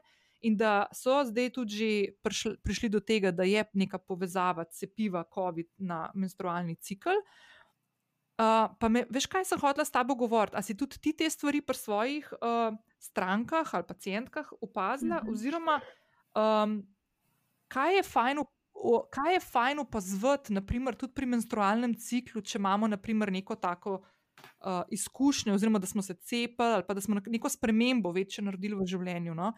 Kaj je fino, da se opazuje, pa, pa da znamo potem nekako se. Ne vem, opaziti, Mhm. oziroma potem tudi pozanimati pri svojih zdravnikih, konc koncev, Mhm, kaj se mhm. lahko da dogaja. Ne? Mhm.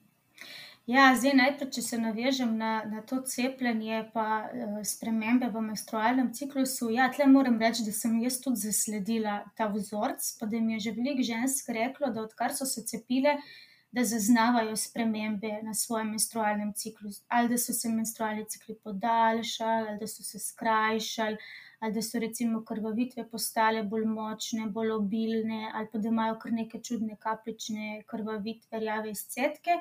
Se pravi, to jaz lahko rečem, da uh, slišim več tega, več takih uh, zgodb. In so ženske same to povezale, da se jim je to začelo dogajati po cepljenju. Že ta prvi cikl, recimo, odkar so prejele prvi, prvi odmerek.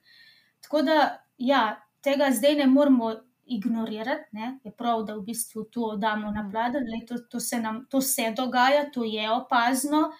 Uh, zdaj, zakaj do tega pride? Recimo, se neko bolezensko stanje ali pa tudi uh, cepljenje, recimo, sproži v telesu nek imunski odziv, imunski odgovor, in kot posledica, recimo, se lahko to uh, prepozna tudi v spremembah na menstrualnem ciklu. Zdaj, zakaj konkretno pride do tega? Kaj točno se zgodi? A veš, so pa tudi eni odgovori, ki jih jaz pogrešam, in tlele se mi zdi kar prav, da bi o Mhm. tem pa res strokovnjaki spregovorili. Oziroma, da, da te stvari ali raziščejo, če pač mm, tudi oni še sami nimajo natančnega odgovora, uh, ja, in da spregovorijo o tem. ne. Lejte, to pa to se lahko zgodi. Do tega pride zaradi Mhm. tega in tega. ne. Ker, veš, če imamo mi neke informacije, pa, pa neko, neko resnico o tem, kako smo mi potem s tem bolj pomirjeni. Le pa se to se ne dogaja samo meni, to se zgodi lahko, zgodi se zaradi tega in tega. A ne, kako smo mi bolj zmirom z vsem tem.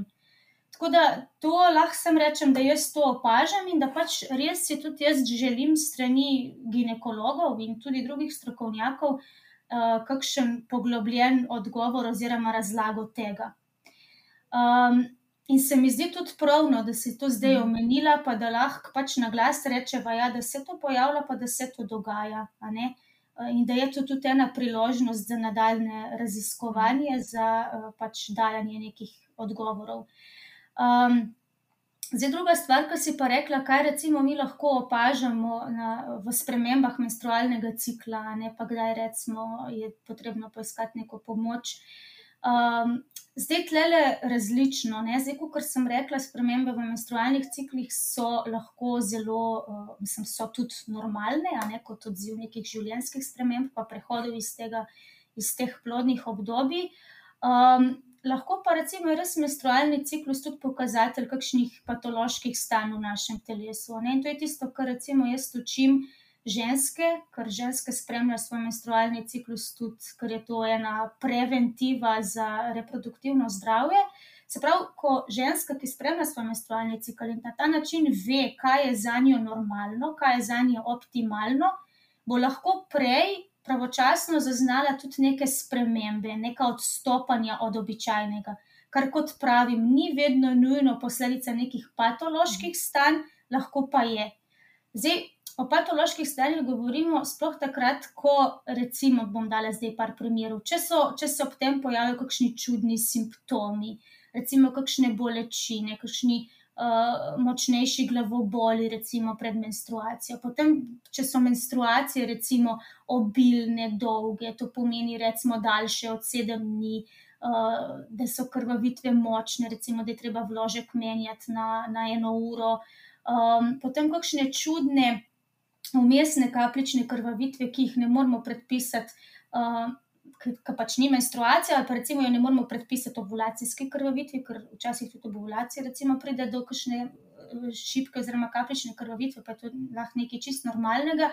Se pravi, kakšni te umestni, čudni, eh, krvavi izcetki. Um, to recimo je tista ena najbolj taka očitna stvar, ki je, ki je prostor za raziskovanje, kaj se zdi to dogaja, pa bi bilo mogoče res dobro se posvetovati z, z ginekologom, ali pa recimo, da ni ovulacije in posledično tudi menstruacije, ni, ne, se pravi, to amenorejo, ali pa recimo dolgi cikli, se pravi, da je med eno in drugo krvavitvijo več kot 35 dni, da ne vem, so lahko cikli dolgi 40, 50, 60 dni.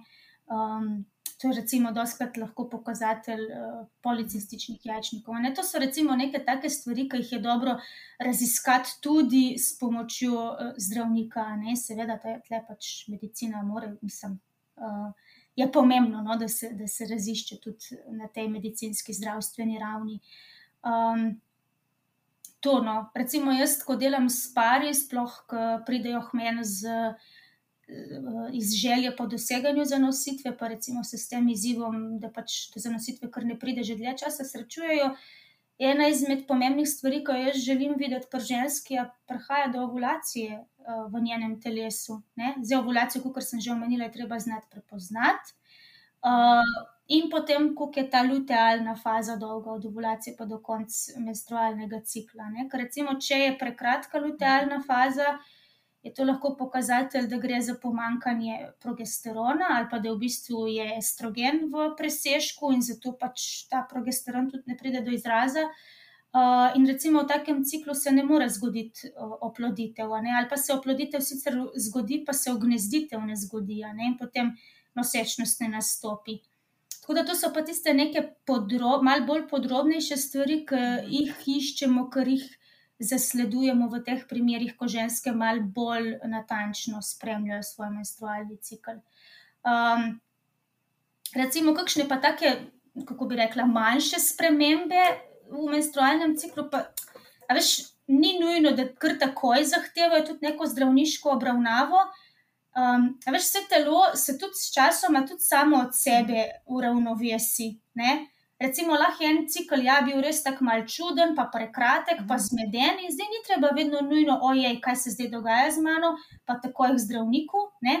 Ampak, ok, dajmo po, po, po, uh, počakati, pa videti, kakšen bo naslednji mhm. cikl, pa pol naslednji cikl. Uh, vse uh, stvari se res lahko same uravnovesijo. Zdaj, če pa mhm. to nekaj kar dolg časa traja, pa je res čudno, pa zraven še drugi simptomi pridejo, pa težko zdržati s temi nekimi spremembami, seveda, potem se zahteva tam zdravniško pomoč.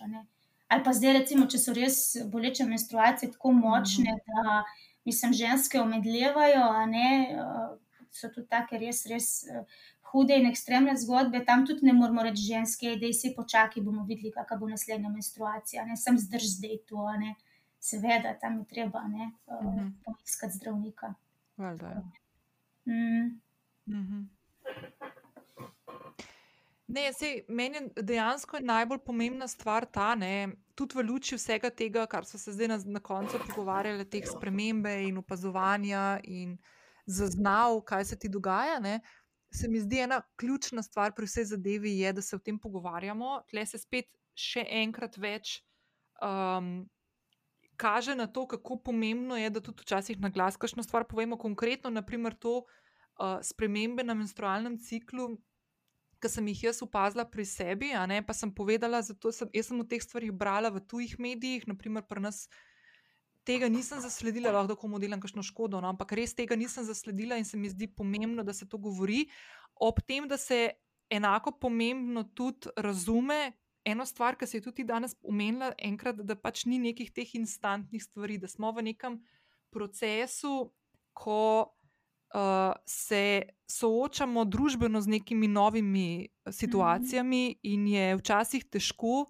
Naprimer, to sem jaz pri HPV-ju opazila. Ne? Da, kljub temu, da gre za neko zadevo, ki je danes, kot si tudi prej rekla, jo poznamo, imamo že načine zdravljenja, imamo načine um, soočanja s to problematiko, ampak dejansko gre tukaj še vedno za neko novo stvar, s katero se zdravniki še vedno na novo učijo, kaj se dogaja na, na ravni uh, in, pri, in pri ženskah, in pri moških. Uh, ne dobiš vseh informacij, ki bi si jih kot pacijent želel dobiti. Mm. Uh, in včasih moramo tudi te stvari um, poskušati razumeti, čeprav je težko, ko si enkrat v nekem takem uh, mm -hmm. noter, v nekem zavrten v nek tak proces in postopek. To je bila, na primer, ful moja frustracija s HPV-jem. In to je lahko ena od frustracij, ki se konec koncev lahko zgodi, uh, naprimer, tudi v tem, ko se začne opažati kakšne take spremembe, uh, uh, tudi naprimer, na ravni tega, ko smo se cepili in kaj se je mm. potem dogajalo. Uh, mm -hmm. In se mi zdi fully pomembno, da se obojega zavedamo uh, in tega, da, da je prav, da se povemo, da se prav, da se pogovarjamo. Da je konec koncev, jaz se tudi spomnim, ker sem šla na drugi odmerek, sem te stvari povedala, kaj se mi je zgodilo po prvem odmerku in so si to zapisali. Mhm, na cepilnem mhm. mestu tudi vzeli so informacije, iz katere vijale sem bila cepljena, in so te stvari poročali naprej, ker tukaj gre za res. Mislim, to, to niso za farkance, to, to so poročanja, ki jih je treba narediti uh, naprej na, na NIZ oziroma na, na to inštitucijo, ki ima zdravila čez. Uh, Uh, in je prav, da se te stvari komunicira s svojim zdravnikom, oziroma, naprimer, konkretno v tem primeru na cepilnem mestu. Uh, zato, da se v teh stvarih učimo in da se te informacije naprej širijo, in lahko potem tudi konec koncev delajo neki zaključki, oziroma neke rdeče niti na, na ravni uh, ljudi, ki te stvari potem z njimi upravljajo. Um, ali so naj še kakšna stvar, ki smo jo danes uh, spustili, pa mogoče bi jo ti še izpostavila za konec? Jaz mogoče bi rekla to, eh, veš, ko si eh, omenila ta HPV, ne, in pol, ko si, si ti eh, pač zdaj pripovedovala spet o tvoji izkušnji, o tvoji zgodbi. Jaz sem se prav vmes spomnila, ma, lej, mogoče pa je to ena ženska, ki mora imeti to izkušnjo, zato da sploh odpira to temo. Da to ni več tema, ki je tabu, ko daješ res ti ene te priložnosti za informiranje. Ne? Uh, na nek način, kako lahko taka neka izkušnja, ker sicer ja, absolutno v prvi vrsti ni neka prijetna um, in pač rab nek proces, da se jo v bistvu sprejme, ampak kako v bistvu ti iz te izkušnje res danes lahko eno svoje poslanstvo gradiš. Ne? Ker se mi zdi, jaz tudi, ko sem zadnjič poslušala, mm. sem poslušala no, ta uh, podcast, uh, z, pogovor z dr. Testen in meni se je to zdel vrhunski pogovor. Mene je bilo to, hej, toliko enih pomembnih informacij, vse, kar je pomembno o HPV-ju na enem kupu. In tako lajično razloženo, in so si prav mislila, da se če, če ta Nina ne bi bila taka, da si ne bi upala govoriti o tem, ali pa recimo ne na zadnje, tudi če ne bi imela te izkušnje, ja, mi bi bili prekrajšani za te informacije, za te pomembne vsebine. No? In kako recimo lahko res včasih eno to svojo izkušnjo um, obrnemo tudi v to, da pa ne na zadnje ima smisel. No? Prav, da je to lahko postane dejansko del enega našega poslanstva. No? Tako da res. Uh, Tleh ti res lahko rečem, no, uh, hvala in verjetno tudi v imenu drugih žensk in moških, da, lej, da si ne na zadnje upaš tako izpostaviti se s tem in na glas govoriti o tem in ozaveščati in A veš, kako je to ena pomembna preventiva. Lej. Tako da ne na zadnje, le ful dobro, res. Ma, ali sem ful hvala, ti bom povedala zdaj čisto po pravici še eno stvar. No, da, um, jaz, ko sem o teh stvarih javno spregovorila, pa to je bilo kakšno leto potem, ko sem imela ta prvi poseg, oziroma ko sem se prvič srečala s to problematiko HPV-ja, si nisem niti približno predstavljala. Kaj bo iz tega se zgodilo. Um, konc koncev tudi potem sodelovanje z, z gibanjem Good Vibe, ki je tukaj uh, v Sloveniji prisotno, predvsem zato, da se osvešča o tej problematiki in da se širi informiranost o tem, kaj lahko naredimo, ko se srečamo s tem, oziroma kaj lahko naredimo, da ne pride do okužbe. Um, ampak, veš, ena druga stvar je tudi se zgodila, ker mogoče nisem še nikoli o tem javno govorila, ne, da je jaz zelo, zelo močno čutim to. V navednicah dožnost, da ko sem enkrat odprla to temo in spregovorila o njej, da se ne umaknem iz tega polja pogovarjanja o tej temi. Jaz dobim ogromno sporočil, uh, žensk in moških, še vedno, vsakodnevno uh, o tej problematiki, ko mi zaupajo svoje zgodbe, ko imajo kakšno vprašanje. Um, in um, Je pa druga, druga, druga, druga plat te medalje, pa ta, da v zadnjih mesecih ne, imam pa neko tako občutek, da mogoče se to zdaj tako malo ezoterično, ampak da mogoče se ta virus pri meni kar tako nadaljuje, tudi zaradi tega, ker pač veliko o tem govorim, pa razmišljam.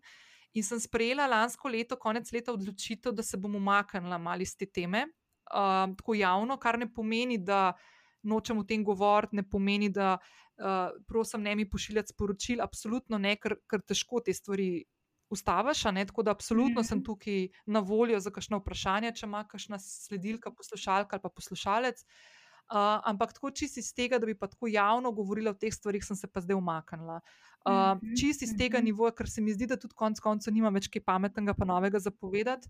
In mislim, da je prostor mogoče še tudi za kakšne ljudi, druge, ki imajo podobne izkušnje na tem področju ali pa na drugem. Mogoče teh Mhm, tem, mhm. ki so še vedno malo stigmatizirane, ali pa bolj kot ne stigmatizirane, je veliko in je prav, da se o teh stvarih govori. In mogoče moja zgodba no, uh, in izkušnja je izrazito pozitivna. Se pravi, kljub temu, da sem govorila in spregovorila o neki taki zadevi, ki je zelo intimna, ki se dotika najintimnejših delov naših življenj, spregovorim javno, uh, je prenesla niti ene. Sem pa tja, mogoče kakšna malenkost, ki se je kdo kaj obregnil v to, ampak dejansko so bile bolj stvari, ki so nekoga zmotile na neki svoji osebni ravni. Ni šlo za to, da bi kdorkoli karkoli mene obsojal. Dejansko je šlo za zelo, zelo pozitivno izkušnjo. In moram reči to, da sem se jaz še enkrat zelo na svoji koži naučila tega, da ko govoriš o neki svoji ranljivosti, kažeš svojo moč in vzameš, vzameš v bistvu moč nekoga, ki misli, da te lahko prizadene s kakšnimi besedami ali pa kakšnimi stvarmi. Ne? Uh, zapreš prostor za te napade. Mhm. Tako da, če kdorkoli tukaj, ki to posluša, uh, ni še povedal kakšne stvari ja- javno, pa ne govorim zdaj, da moraš podcast odpreti ali pa iti v mediji govoriti, lahko tudi, da se zaupaš prijateljem ali pa svojemu podpornemu sistemu. Um, s tem ne boš izgubil svoje moči, ampak jo boš dejansko dobil. Tako da se mi zdi to ful pomembno izpostaviti. Ja, super. Um, ja, Alison, lej. Uh, ja, uh, je nič, jaz, te, jaz se ti bom ful zahvalila za ta pogovor danes. Uh, če bo kdaj še kakšna prilika, z veseljem s tabo poklepetam. Jaz mislim, da bo kar nekaj se zgodilo, enih uh, reakcij na ta najmanj pogovor in verjamem, da, da, da bo še kakšna priložnost. Uh, bom pa vse uh, poslušalke in tudi poslušalce povabila. No, Da, če imajo ta vprašanja povezana z menstrualnim ciklom ali pa z naravnim načrtovanjem družine, um, da um, se oglasijo pri tebi. Jaz bom v zapis epizode dala tudi vse linke, kje te najdejo. Uh, in vabim pač, da če imate to kakšno vprašanje ali pa izzive na tem področju, da se oglasite pri Alison, pa vas bo ona prevzela naprej. Tako da to je to. Um, še zadnja misel, mogoče Alison, veseljem. preden ti rečem eh, hvala, pa čau, lepo bodi. Ej, uh, hvala, no, z veseljem. Ja. Uh, če, če bodo imeli kakršne koli vprašanja, lahko se obrnejo, me poiščejo. Um, veš, jaz sem se odločila, no, da želim na tem svetu dati odgovore na tiste vprašanja, ki ostajajo odprta. In jaz sem prepoznala, no, da je veliko enih odprtih vprašanj v povezavi z menstrualnim ciklom, s plodnostjo, z reprodukcijo, z naravnim načrtovanjem za nositve in tako naprej, ali pa recimo spolnost, spolno vzgojo. Tako da lej, sem to prepoznala kot eno svoje poslanstvo, no, da želim podati uh, neke odgovore uh, svetu. No. Tako da lej, sem ti hvaležna, da smo lahko speljali ta pogovor, da smo odprli to pomembno vsebino. Zdaj, uh, kdo bo mogoče doživel kakšen neha efekt ob tem, ko naj jo je slišal, komu se bodo pa še dodatna vprašanja odpirala, kar je tudi prav in dobro. Tako da, če bo še želje po govoru o tem, z Super. veseljem.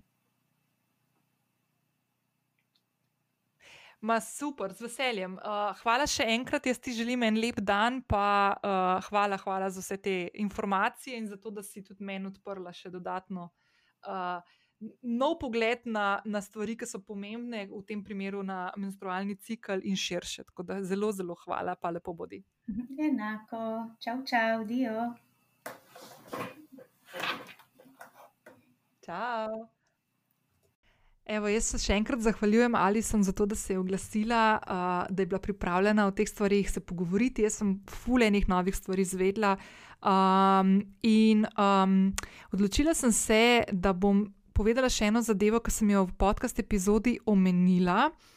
Um, pa bi se še bi izkoristila to priliko, še, da se zahvalim enemu poslušalcu Žigi, ki mi je napisal uh, na Instagram, da bi bilo full fajn, da naredim še kakšen outro uh, ob koncu epizode, uh, da se ne zaključi s pogovorom. Tako da žiga, hvala, uh, ful dobra ideja. In jaz imam plan en kup enih stvari upeljati uh, na podcast v naslednjih tednih. Uh, In se ful veselim, tako da to je bila definitivno ena od stvari, tudi malo bom glasbo dodala in tako naprej. Tako da ful hvala za take predloge. Sem pa želela eno stvar uh, zdaj le ob koncu te epizode povedati, ker sem jo, kot, kot sem rekla, omenila v pogovoru z Alison in sicer, da če me spremljaš že nekaj časa, potem veš za mojo zgodbo s HPV-jem in kako uh, s tem živim že zadnje štiri leta. Um, jaz uh, sem sicer, tako, kot sem povedala v epizodi, malce odločila umakniti iz te diskusije, ker se mi zdi tako, da nimam več kaj pametnega zapovedati in da sem že vse, vse kar sem imela zapovedati v teh treh letih, odkar sem prvič o tem napisala, en zapis povedala. Je pa res, da se zgodba s HPV-jem, nažalost, kot sem si želela in nekako pričakovala, ni, če, če ni zaključila.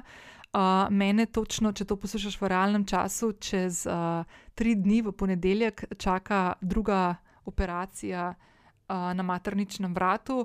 Uh, jaz upam, da to je tudi zadnja točka. Um, zakaj povem te stvari, zakaj govorim te stvari, če sem se odločila, da ne bom več govorila, ker enostavno čutim neko dolžnost uh, za vse tiste, ki me spremljate v tej zgodbi. Uh, vse tiste, s katerimi se pogovarjamo o tej problematiki, ki ste že poslali svoje vprašanja, svoje, uh, svoje zgodbe s HPV, um, da vam povem, kje se nahajam. Um, zdi se mi pomembno, kot smo danes tudi z Alisom parkrat omenili v epizodi, da se o teh stvarih iskreno pogovarjamo. Uh, in da s tem tudi kažemo na to, da ne bežimo od stvari, ki se nam dogajajo v življenju, uh, da se zavedamo, da je pomembno, da te stvari delimo, se pogovarjamo, da svojo zgodbo konec koncev lahko tudi osmislimo ali pa pomagamo mogoče še kakšnemu človeku, ki se s podobnimi izzivi v življenju srečuje. Um, je pa še to ena prilika, da povem, da. Um, Se z nas zgodi, da bo kakšen petek uh, vmes, uh, ko bom okrevala, uh, ostal brez epizode podcasta, zato ker se je to tako na hitro zgodilo, da je bilo težko načrtovati veliko stvari vnaprej. Um, tako da ne mi zamer, če bo kakšna stvar vmes, eh, kakšen teden uh, brez epizode, oziroma če se bo mogoče javljala samo tako iz okrevanja, uh, s kakšno kratko, v navednicah, bonus epizodo, ki ne bo sodla v neko redno, redno, re, redne tematike. Um, tako da to je to, bom obvestila, kako se kaj se dogaja. Bom seveda tudi naprej še povedala, kakšno stvar, če bom kakšno stvar zvedla v HPV-ju, bom z veseljem to delila z vami, absolutno. Uh, tudi ne bi rada, da se vzame to um, informacijo, ki sem jo dala, da se umikam, da mi ne več poslati. Absolutno mi lahko kakšno stvar pošljete. Vedno vas vabim, da se sicer prijavite v tisto Facebook skupino uh, Good Vibe na Facebooku, kjer teče um, v zaprti skupini full, tako lepa, lepa komunikacija uh, med zdaj že skoraj, mislim, da 200 članicami in člani. Uh, uh, in se izmenjujejo med sabo tudi svoje zgodbe, izkušnje, opažanja in tako naprej. Tako da to vedno, vedno priporočam. Um, sem pa jaz, kot sem rekla, mečka naredila en korak nazaj, ker sem malo utrujena od te teme po štirih letih. Tako da, evo, to je to. Uh, jaz vam želim en lep petek, uh, še lepši konec tedna in uh, hvala vsem za poslušanje. Hvala, Alison, za klepet in vsem, ki se boste javili ali pa ste se javili v zadnjih dneh uh, v moj Instagram nabiralnik. Uh, ful, hvala vsem, ki se oglašate in mi pošiljate sporočila in potem poklepetamo malce po podcast epizodah. Lepo bodite, ujemite kaj sonca. Ciao!